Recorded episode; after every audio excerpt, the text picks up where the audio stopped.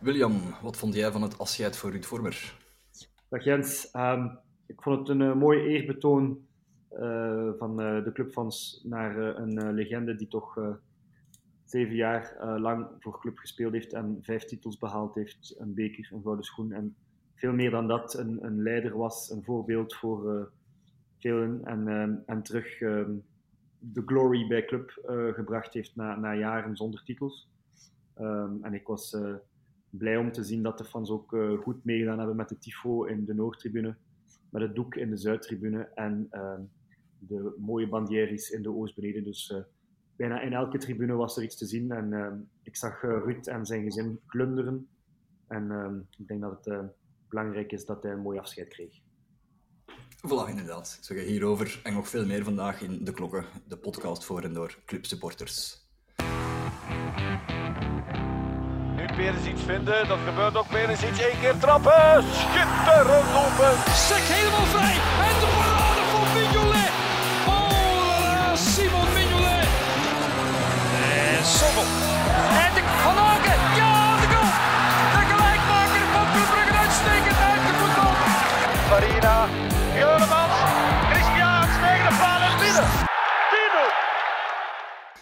Naast William mag ik ook nog Hans verwelkomen. Dag Hans, uh, hoe heb jij ja, het weekend beleefd in de aanloop naar de topper tegen de Move? Ja, de aanloop. Ik moet zeggen dat ik uh, verschoot zondagmorgen toen ik op social media. het was precies of, of de schuim rolde van mijn scherm. Iedereen was opgenaaid. de haat stroomde van, uit, uit alle posts op Facebook en, en Instagram.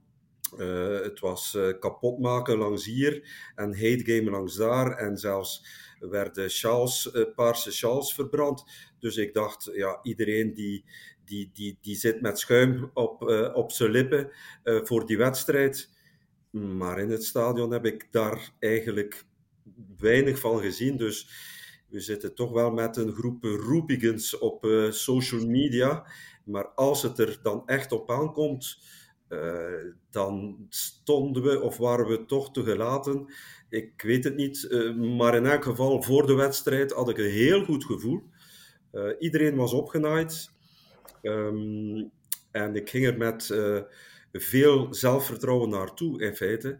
Ehm, en goed, ik was niet bedrogen, zeker niet wat de eerste 70 minuten betreft. Nee, nu, um, ja, we hebben het al even gehad over het afscheid van Ruud Vormen, die dan de aftrap kwam geven met de bijhorende tifo. Had je ook gedacht dat dat een beetje voor een, uh, een impuls ging zorgen bij het begin van de wedstrijd, uh, William?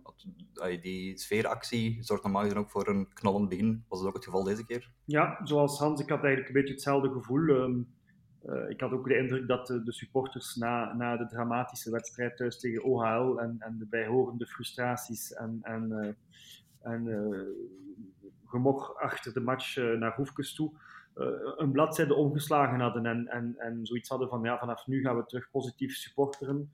Um, er is een nieuwe trainer, er, waait een nieuwe wind, het is een nieuw jaar.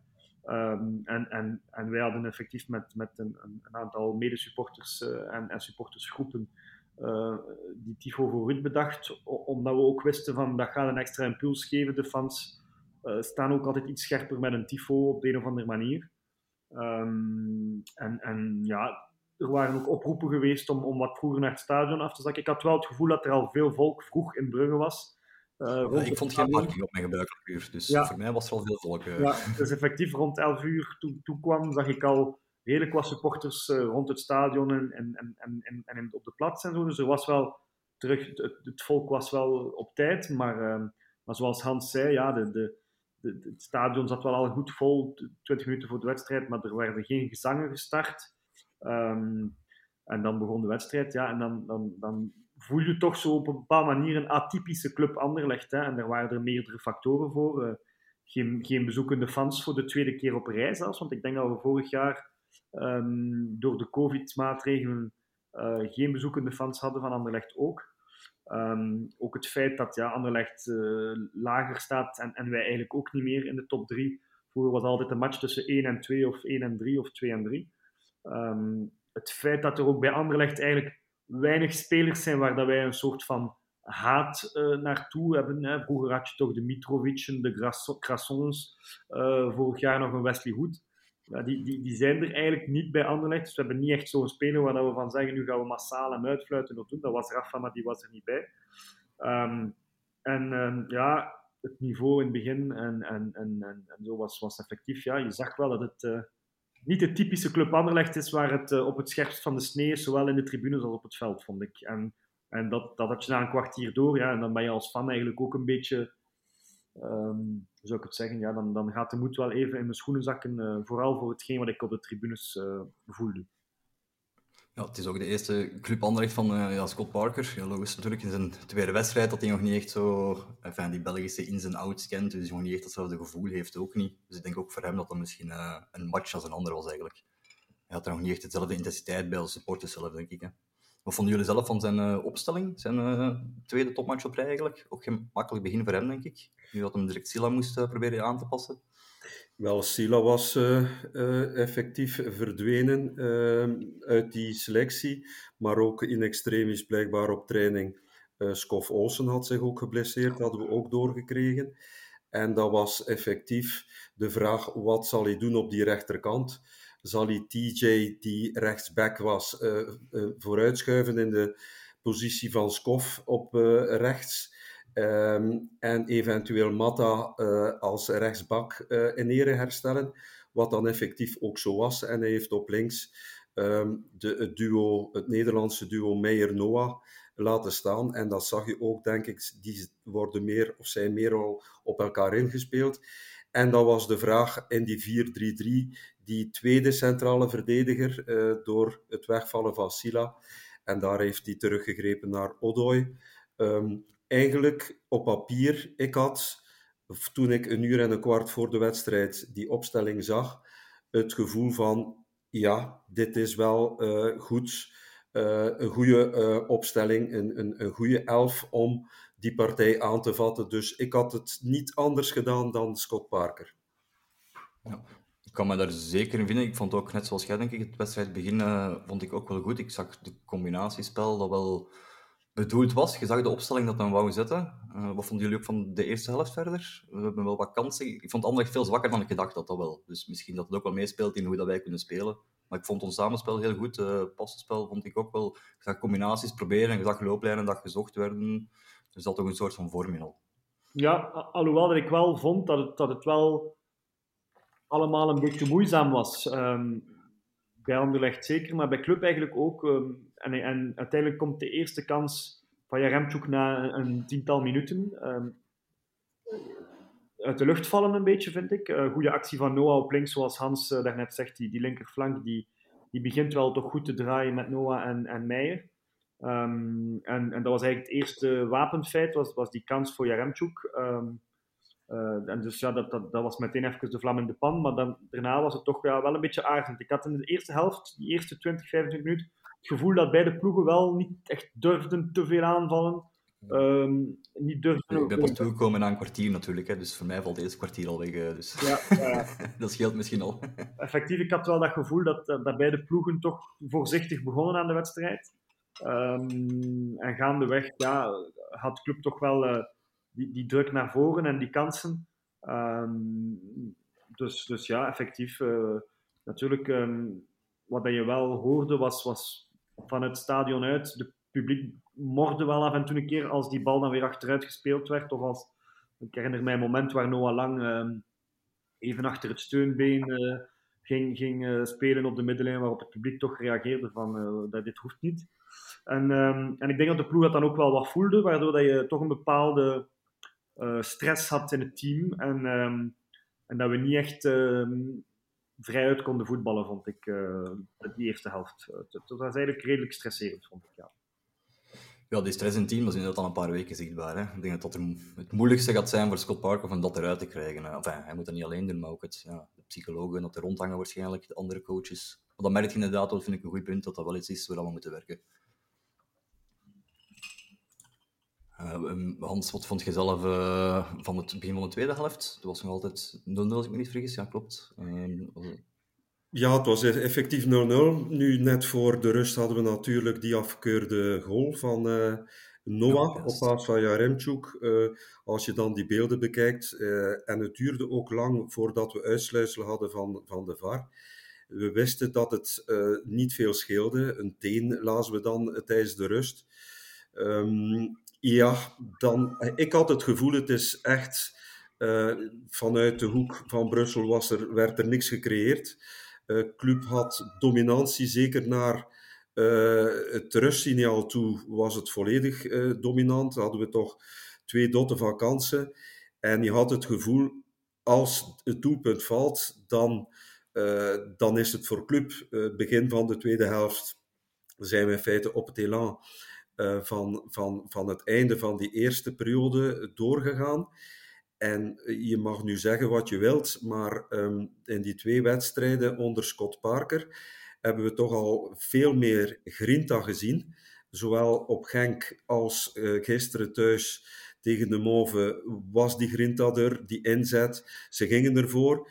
We hebben ook al meer kansen gezien, zowel op Genk als gisteren hebben we veel meer kansen gecreëerd, doelrijpe kansen, dan zeg maar de laatste wedstrijden onder Hoefkens.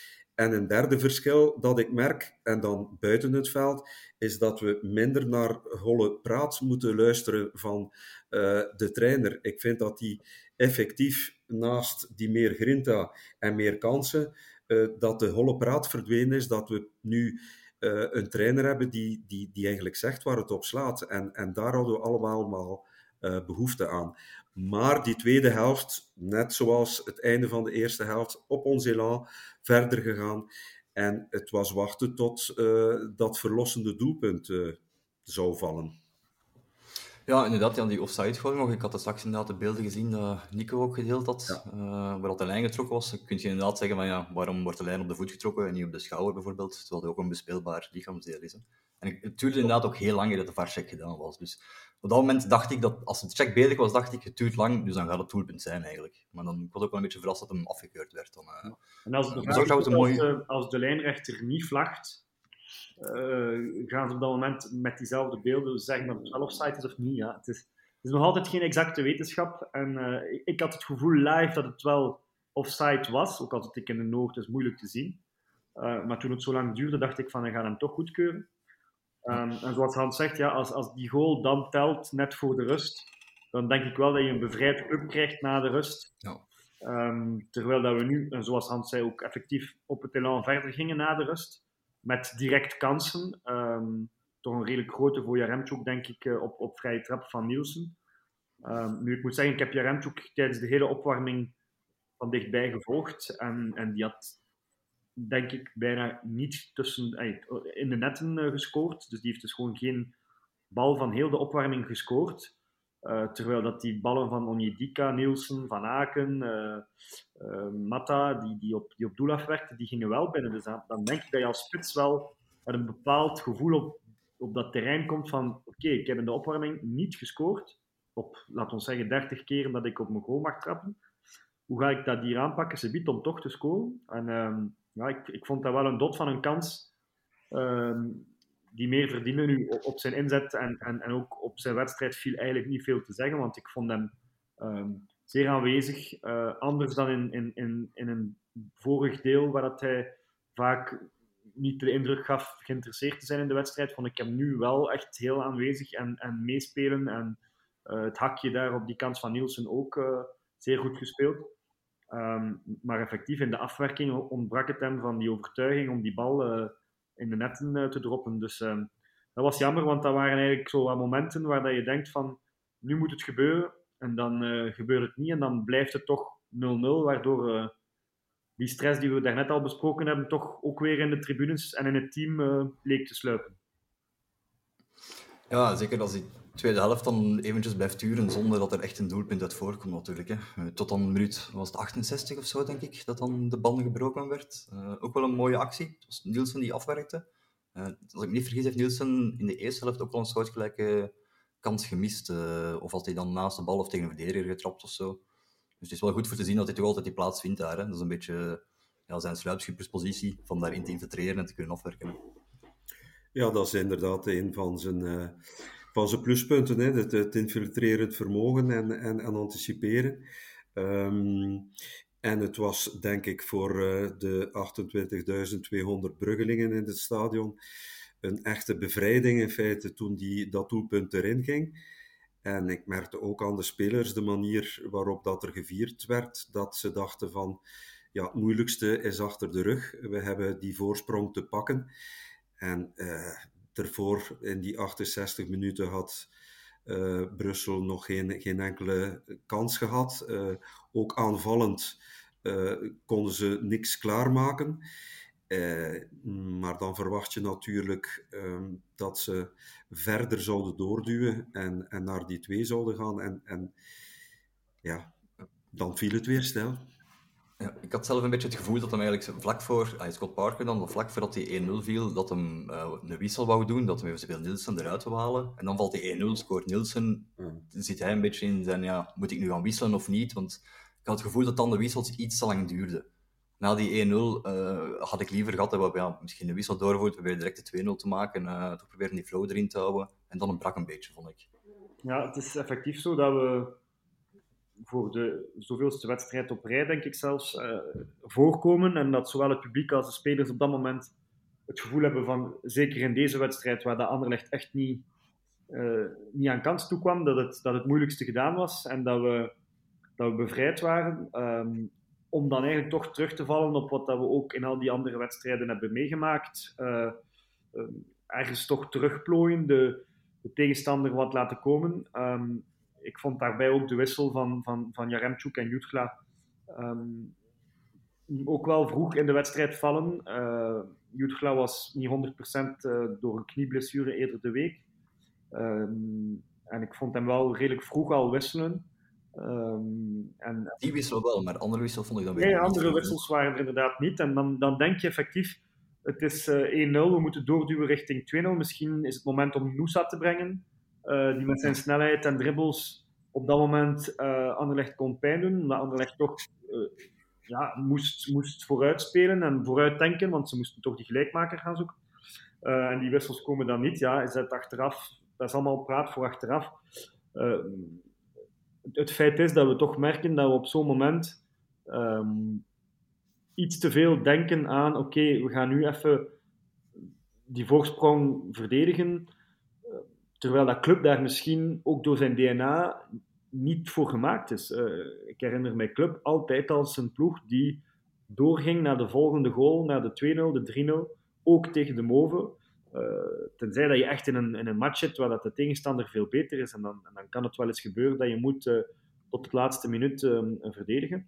Maar in dit geval was dat toch niet het, het, het, hetgeen dat er gebeurde, vond ik. want Anderlecht kwam niet aan kans, ook niet in die 10 minuten voor de 1-1. Uh, en de 1-1 is ook eigenlijk geen kans. Hè. Die bal gaat uh, 5 meter naast. Um, maar effectief, ja, dat was een, een, koude douche, minuut 78.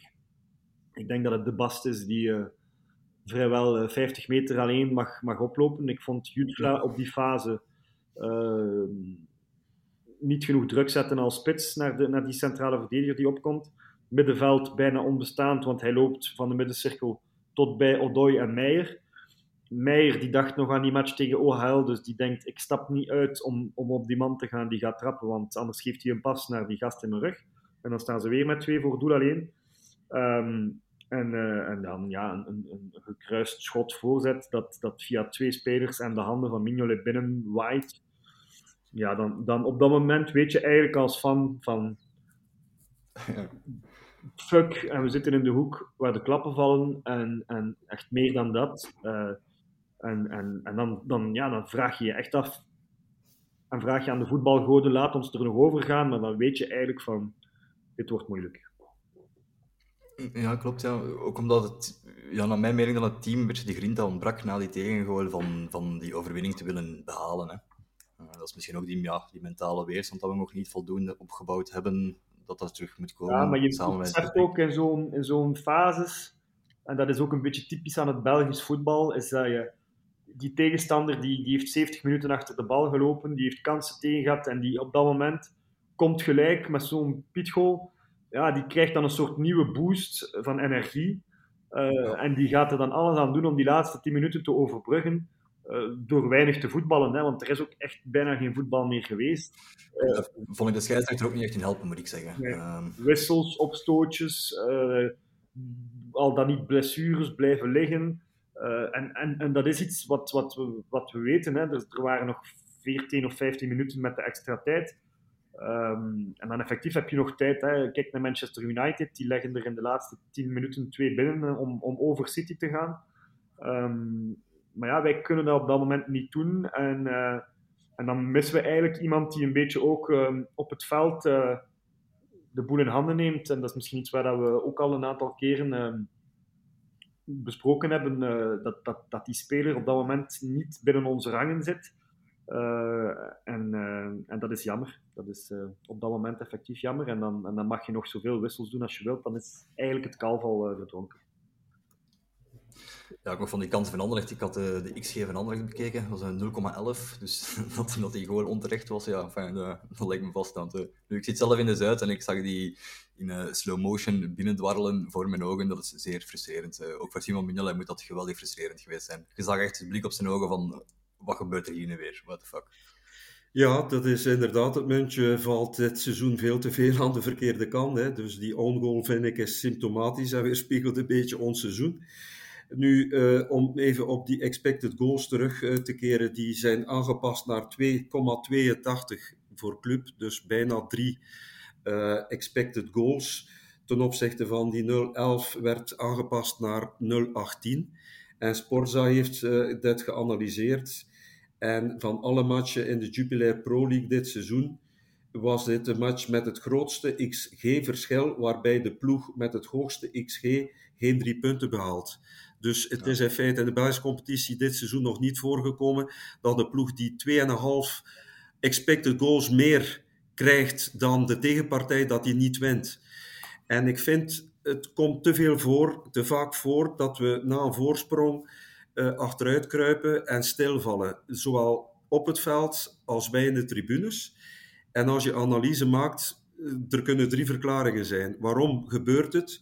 Is het fysisch? Hebben we zodanig veel energie verspeeld om die voorsprong bij elkaar te voetballen?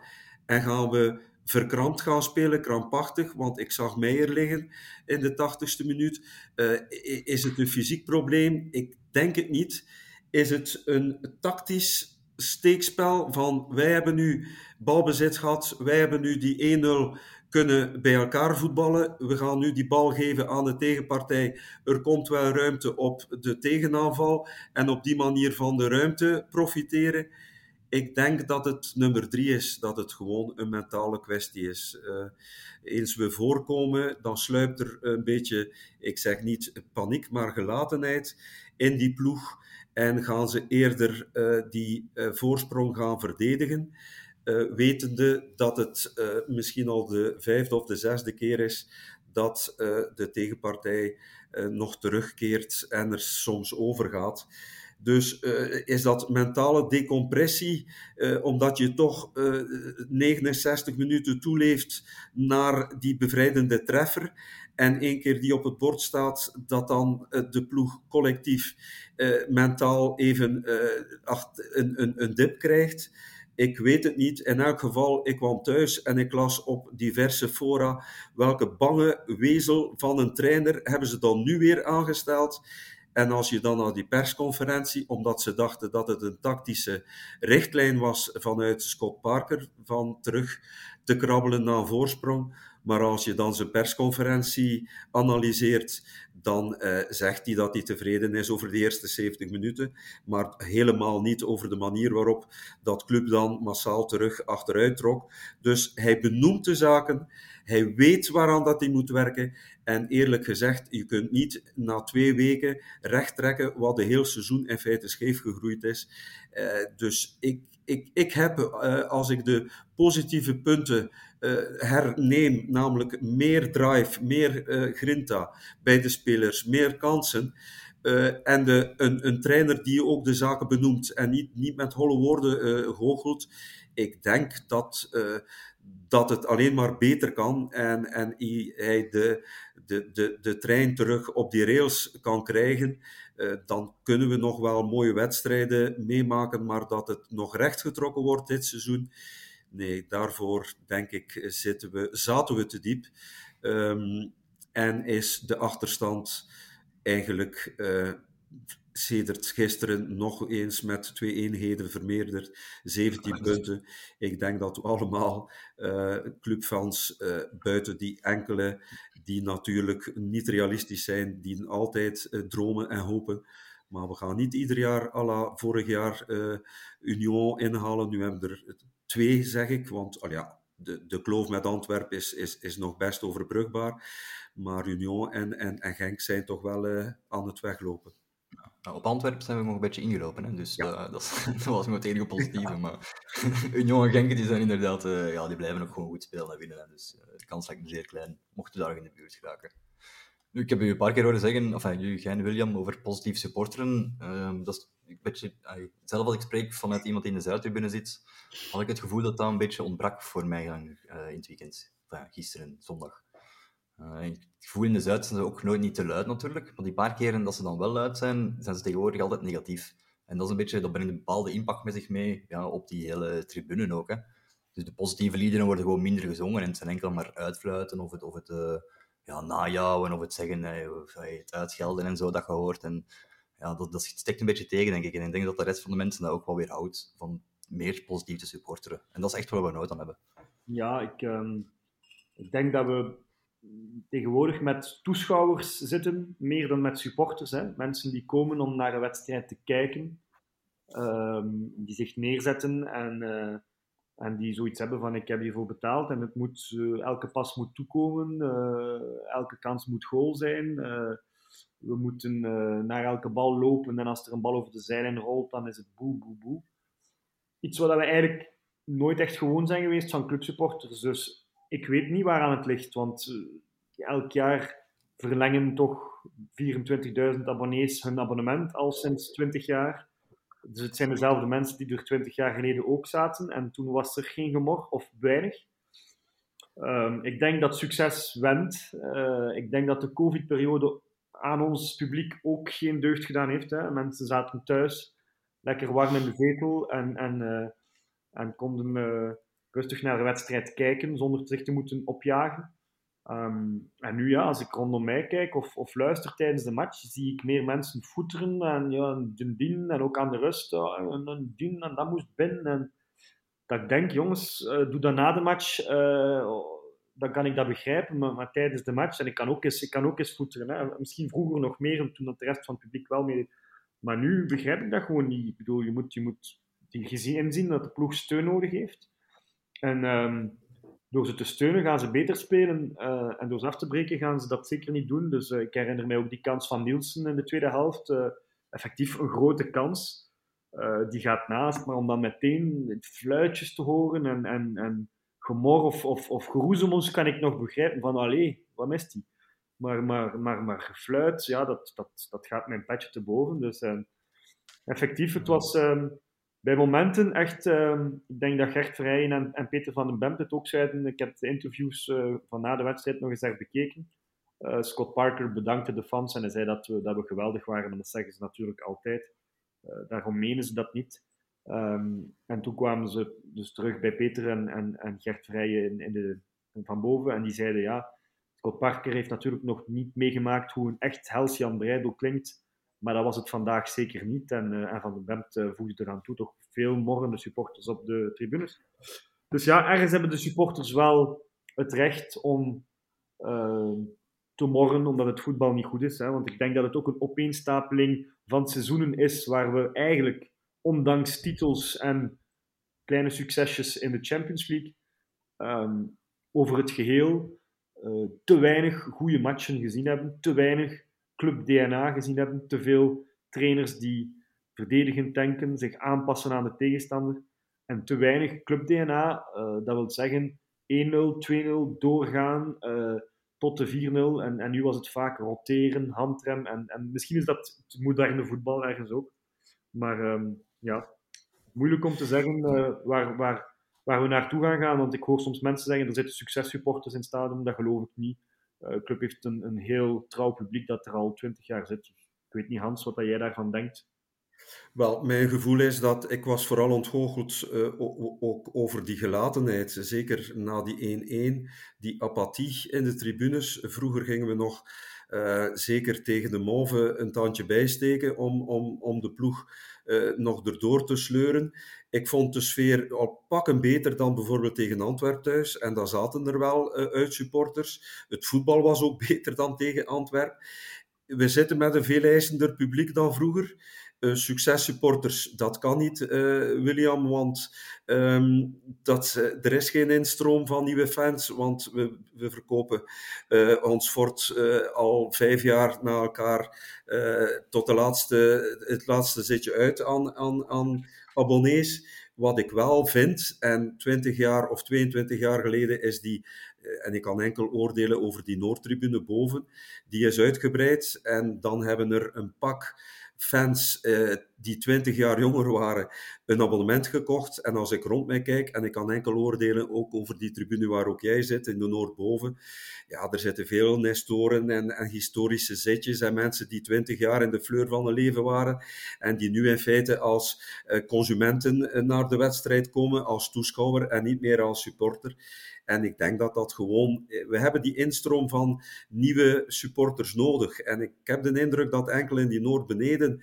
Dat daar wat instroom van, van nieuwe energie en nieuwe jeugd is. Maar voor de rest hebben wij veel historische zitjes met uh, mensen die die zitjes niet willen opheven. En ik denk dat we naar het nieuwe stadion toe uh, heel dat club samen met de uh, sfeergroepen heel goed moeten nadenken hoe we um, die sfeer er terug kunnen inkrijgen. Ik heb tijdens tussen kerst en nieuw heb ik, was ik in Londen, heb ik vier um, wedstrijden in, in de First Division en League One en League Two onder andere en ook in de Premier League gezien.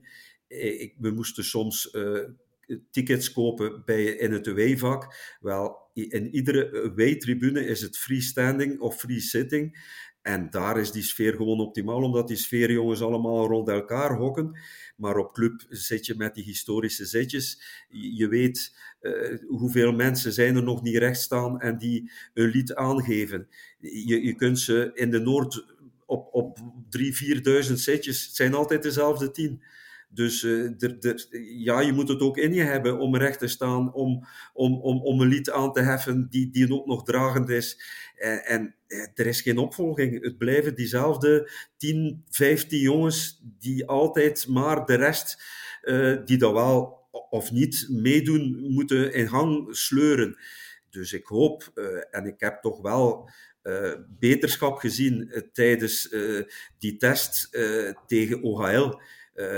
De, die sfeer was best oké. Okay. Dus als we, als we dit kunnen herhalen en, en de sfeerjongens bij elkaar plaatsen, dan, dan heb ik nog hoop hoor. Ik, ik geef het niet op. Maar die gewenning, die, die verwaandheid, die, die, die veel eisendheid, dat moet eruit. Uh, maar goed, ik denk dat dat een beetje ook inherent is aan het succes. Hè. Dus ik merk dat uh, Antwerp en, en op Union, iedereen zegt, oh, fantastische sfeer. Ja, Union mochten wij 50 jaar geleden... Hè, uh, moest het geleden zijn dat wij nog in eerste hadden uitgekomen, dan zou die sfeer ook wel een pak beter zijn. Remember die elf uh, jaren zonder trofee.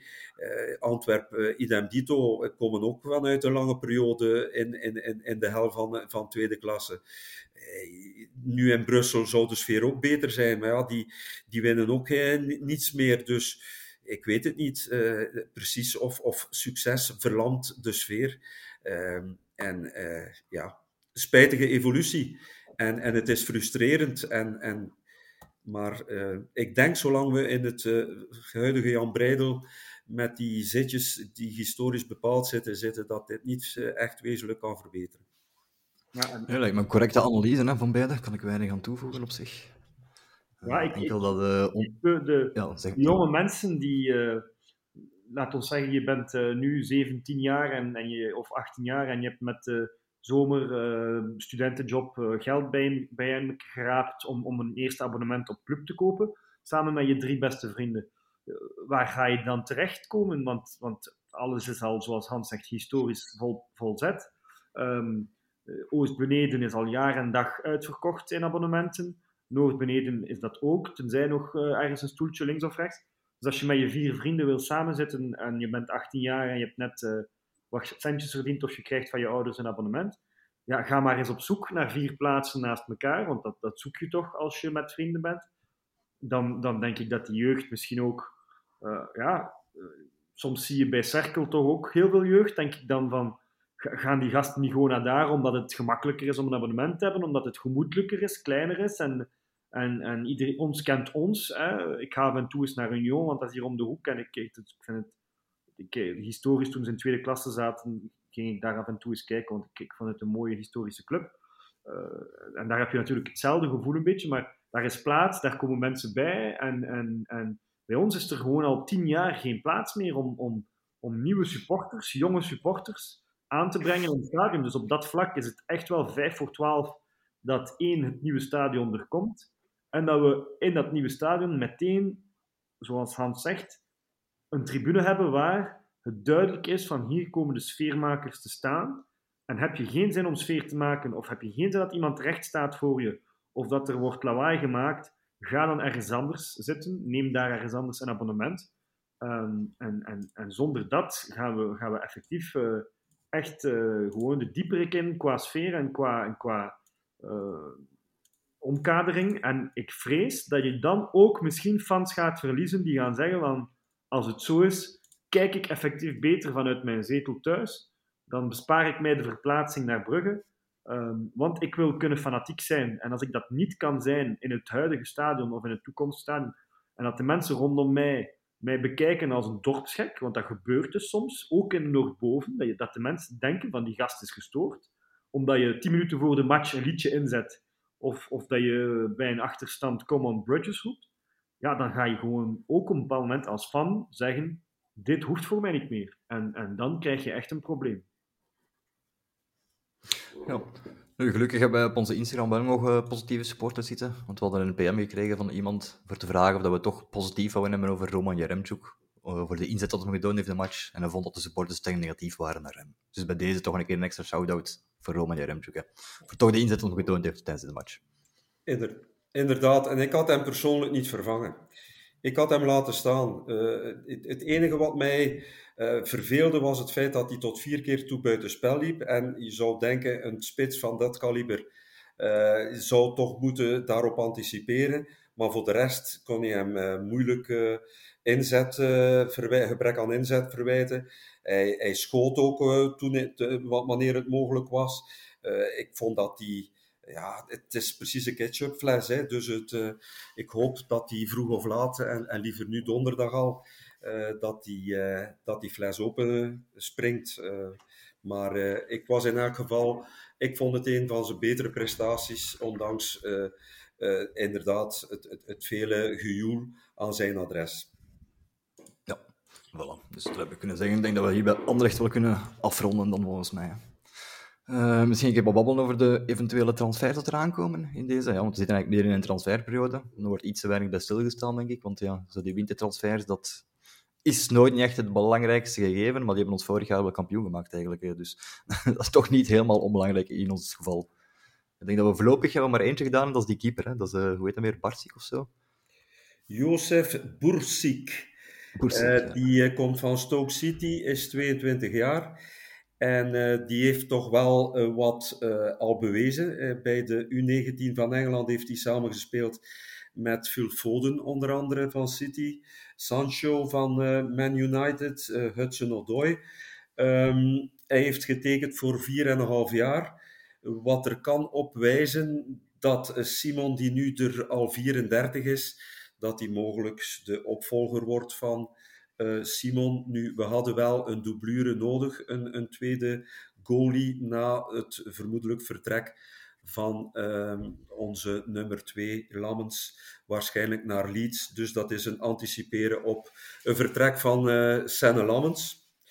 Uh, dat is de enige inkomende. Uh, Kyle Laren, onze Canadees, wordt gelinkt aan Spaanse Cadiz of het Griekse PAOK.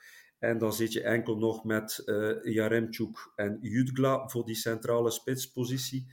Dus ik vermoed dat we daar wel nog een inkomende transfer mogen verwachten, nog in de loop van januari. En uh, William, ik denk dat een, een, een bijkomende centrale verdediger uh, toch ook uh, niet min zou zijn. Ja, zoals, uh, zoals Jens zegt, het, het, het, het, heeft ons vorig jaar een titel opgeleverd, de transfers van Skof Olsen, TJ die toen ook overkwam, um, al, dan, al was die eigenlijk in de zomer al gekocht. En vooral in mijn ogen een, een Adamian die die erbij kwam. Dat waren toch drie stevige spelers. Um, nu de kloof natuurlijk wat groter is, is de vraag of ze bij club um, terug de portefeuille willen gaan opentrekken. Nadat we eigenlijk toch al twee zomermercato's op rij stevig de portefeuille over, opengetrokken hebben. Um, en dat blijkbaar de portefeuille opentrekken niet garant staat voor goed voetbal, veel punten en, en een koppositie. Wat dat ook logisch is, want voetbal is geen exacte wetenschap. En het is, denk ik, een verdomd moeilijke job om als technisch directeur, uh, in deze casu uh, ook CEO Vincent Mannaert, op zoek te gaan naar de juiste spelers die ook samen een ploeg kunnen vormen.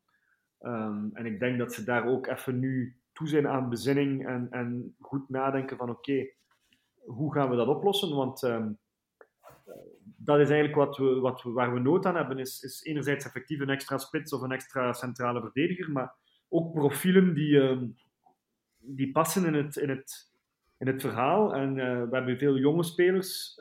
Ik denk aan een Meijer die 19 is. Ik denk aan een Onjedika die nog jong is. En die moeten natuurlijk... Sila, hè, die, is, die is 20 jaar, denk ik. Die, die gasten hebben natuurlijk ook een beetje uh, ervaring nodig rondom hun. Ervaring die misschien mondig kan zijn. Hè? Want we hebben met Nielsen, Hans van Aken en, en Mignolet ervaring, maar dat zijn toch ook niet de gasten die altijd heel veel hun mond openen. Dus um, moeilijke oefening. Ik hoop effectief, en ik denk wel effectief, dat er achterin nog iets bij komt. Want als Mechelen of Sila uitvallen, moet je al terugschakelen op uh, Odoi um, of Spileers, wat dan natuurlijk geen slechte spelers zijn. Ik noem Boyata niet, omdat ik toch het gevoel heb dat die min of meer toch ook uit de gratie gevallen is van het bestuur en, uh, en de nieuwbakken trainer. Um, en natuurlijk is er op uitgaand vlak nu ook veel werk. Hè? Um, spelers zoals Boyata, die ik net benoem, die, die, die hebben een zwaar contract, zware salarissen, uh, brengen ons niets bij, jammer genoeg. Um, dus dan moet je die eigenlijk proberen te verkopen. een Bamba die, uh, die was einde contract, eindseizoen, dus die is nu vertrokken naar Leverkusen uh, jonge speler waarvan Mannaert altijd gezegd heeft dat het een van de grootste talenten van Europa is. Uh, nu, die zien we dus de deur uitlopen uh, voor een minimum budget als, als transfersom, is wat we lezen.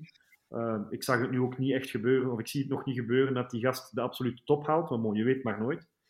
Um, dus ja, ik, ik, ik, ben benieuwd. De komende twee weken worden denk ik wel nog heftig, maar voor hetzelfde geld uh, houden we het team zoals het is en, gaan we naar de zomer toewerken. Ik denk dat Parker ook wel een aantal spelers in zijn hoofd zal hebben. Die, die keeper komt duidelijk wel via hem. want ik hoorde dat onze keeperstrainer wel ook keeperstrainer is of was van Engeland onder 20.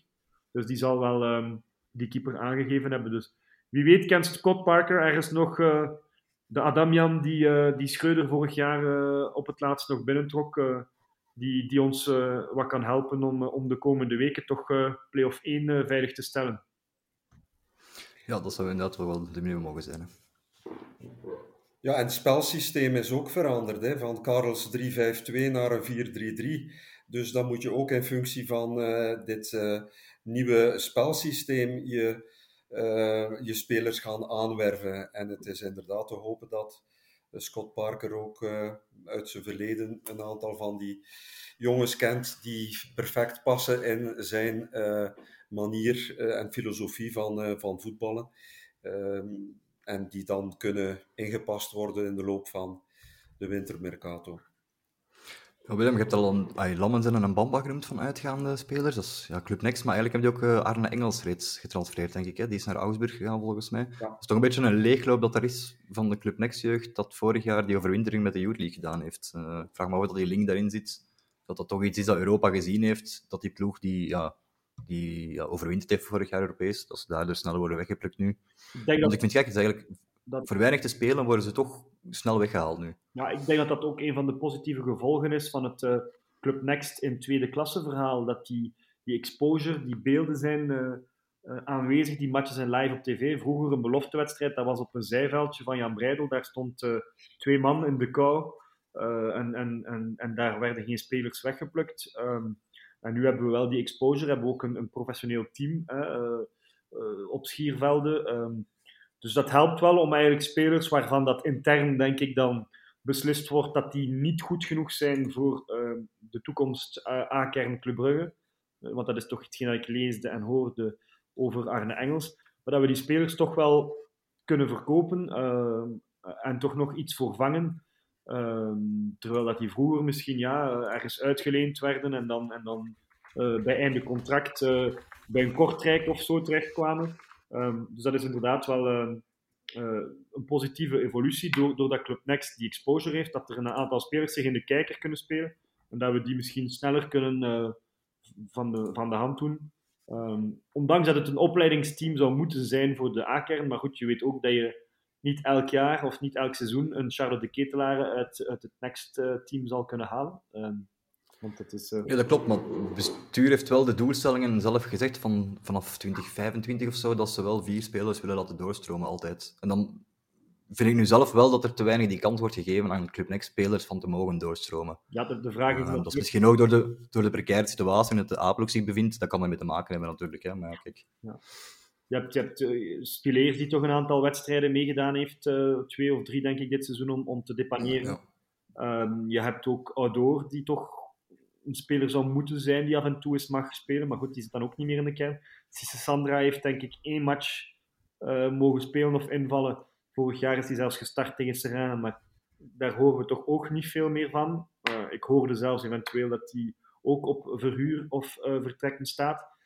Ehm, Nou, dus ja, of zo, had ik begrepen. Ja, Denk ik. eh, dus, ehm, dus ja, het is een, effectief eh, het, het verhaal van, van vijf, zes jeugdspelers die doorbreken. ehm, eh, dat zit er niet direct in, denk ik. En eh, ehm, we zien natuurlijk wel onze, onze Maxime de Kuiper, die nu doorbreekt bij, bij Westerlo. En ik veronderstel dat die volgend jaar wel zijn kans zal krijgen bij club. Eh, ik hoor dat Sobol eh, ook naar de uitgang eh, wordt geleid. Dan, dan veronderstel ik dat we met eh, Meijer en, en de Kuiper volgend jaar gaan doorgaan.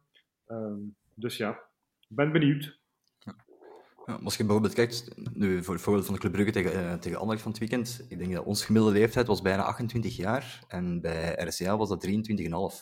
Eh, dat vind ik toch wel een opvallend verschil ook. het is niet, ik pleit niet voor altijd allemaal enkel spelers jonger dan 25 te hebben, maar die doorstroming van jeugd, dat moet er wel zijn. En ik denk dat dat wel een belangrijk kenmerk is dat het bestuur niet uit het oog mag verliezen. Dat is toch, iets, ja, dat is toch ook een, handelsmerk, hè? dat is een jeugdopleiding, eh, dat is toch iets waar ze altijd plat op staan. Of, of het bestuur plat op beeld staan, ik zal het zo zeggen. Ja, maar je moet ook eh, heel goed kijken van, wa- van waar we komen. We hebben echt een historische achterstand Ja, eh, ten klopt. opzichte van de jeugdwerkingen van Genk, de Mauve, Standaard. Hm. Dus, De eh, inhaalbeweging is er duidelijk, hè? dat is Ja, sowieso. ik inhaalbeweging is er. We pakken het ook professioneler aan. We hebben de CEO voor de, de, de next eh, clubs met eh, de zoon van, eh van Prudhomme, Gillian eh Ja. eh, Prudhomme. Dus eh, we zijn een inhaalbeweging aan het maken. We hebben effectief nu die ervaring van onze belofteploeg in, in 1B. Ehm, het is een kwestie van tijd eh, voor die doorstroming er wel zal komen, want effectief, we hebben dan nog die Sabbe eh, naast Outdoor en Sandra, die, die toch al hebben mogen proeven van die eerste ploeg. En dan Ja, en nu, nu staan natuurlijk ook. eh, Ja, natuurlijk. Noosa is, is, is het prototype van de speler die wellicht eh, als eerste zal doorstromen. Maar dan heb je ja, die Arne Engels, vind ik jammer persoonlijk, want ik, ik, ik heb de meeste wedstrijden van Club Next gezien. Noah Bamba had ik minder een goed gevoel bij, want ja, die, die kreeg wel zijn kans, maar die blonk toch ook niet uit op Club Next eh, niveau. Die, bij die arme Engels had ik wel een beter gevoel, maar ja, als die niet wil bijtekenen en hij krijgt... die- ja, kun je, kun je dwingen natuurlijk. Hè, voilà. Hoe zeg je? Ja. kunt, kunt ze niet dwingen Nee, natuurlijk. voilà. hè, dat is de, Dus eh, eh, dan gaan die effectief eieren voor hun held gaan kiezen. Maar nogmaals, we moeten geduld hebben. Maar ik denk dat bijvoorbeeld concreet, concreet bijvoorbeeld denk ik dan de Lammens, Mhm. eh, als die bijvoorbeeld al de beker mag spelen, dat dat voor hem misschien ook al een verschil maakt. Nu heb je Mignolet die ja, alles opeist omwille van, ja, dat is nu eenmaal hoe dat hem is. Hij heeft zelf hetzelfde voor bij de nationale ploeg. Hè. Courtois eist daar alles op, Mignolet eist bij club alles op. Dat is gewoon zo, denk ik. En ik denk dat de Lammens zich daardoor misschien iets te vaak gepasseerd voelen ook. eh.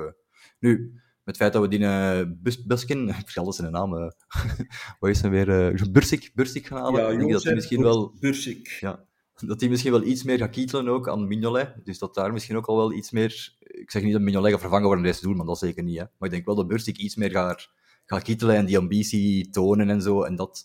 Ik denk dat Lammens dat een beetje te veel voor zichzelf hield. Die had die ambitie wel, maar die durfde Mignolet niet echt uitdagen, denk ik. Ja, misschien zal hij wel meer gechallenged worden nu door die, de- de- door die Bursik. Maar terugkerend op het next-verhaal, toch even aangeven dat vroeger ehm, eh, jonge spelers, zeker tussen 6 en 12, eh, moesten we lokaal gaan recruteren, want wie kon er nu naar Brugge komen twee, drie keer in de week als je in de lagere school zat. We hebben nu drie samenwerkingsprojecten met eh, een aantal clubs. De City Pirates, dat is het mooiste voorbeeld, maar ook meer in, in Brabant en deze kant van Brussel en in, in het Antwerpse. Die spelertjes kunnen, zolang ze 6 tot 12 in de lagere school zitten, kunnen ze met Club Next de trainers ter plaatse in Duffel, geloof ik, City Pirates, in, in drie verschillende eh, clubs trainen. En in het weekend voor de wedstrijden kunnen ze, eh, worden ze dan afgehaald door de Brugse Next busjes en spelen ze met de leeftijdsgenootjes in competitieverband op club of op verplaatsing. Dus dit is ook weer iets wat in gang gestoken is en wat uh, een, een, een inhaalbeweging uh, zal um, bewerkstelligen ten opzichte van die andere, uh, die Brusselse clubs bijvoorbeeld, die uit een heel wat grotere vijver kunnen recruteren. Dus wij gaan nu in Brabant en in Antwerpen ook gaan recruteren. En we gaan Club Next trainers ter plaatse laten jeugdspelers trainen tijdens de week. En enkel in het weekend spelen ze dan wedstrijden met de leeftijdsgenootjes onder de noemer Next. Dus vind ik... Dat wist, dat wist ik niet. Dat is, al wel, dat is wel goed, niet. Dat is goed nieuws, ja. inderdaad. Dat is wel prima. Ja.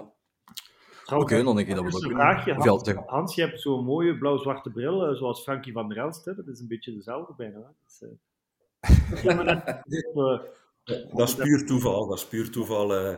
nee, nee. dat is- hij maakte de betere analyses, dus eh, we hebben de betere versie ervan, eh, geen probleem. Eh, dan denk ik eigenlijk dat we dit onderwerpje ook wel kunnen afronden. Hè. Dus kunnen we verder gaan naar ja, de match van komend eh, midweekend, eh midweekmatch eigenlijk, komende donderdag, als ik me niet vergis. Op STVV, op het kunstgrasveld, als het regent, als het koud is. Het zal gezellig worden. ja, en ik mag in het leuke bezoekersvak kruipen, als ik het zo mag zeggen, want het is een, een kruiphok daar op. Ehm, maar goed, het, ik ben er liever bij in het stadion dan, eh, dan thuis voor de tv alleen.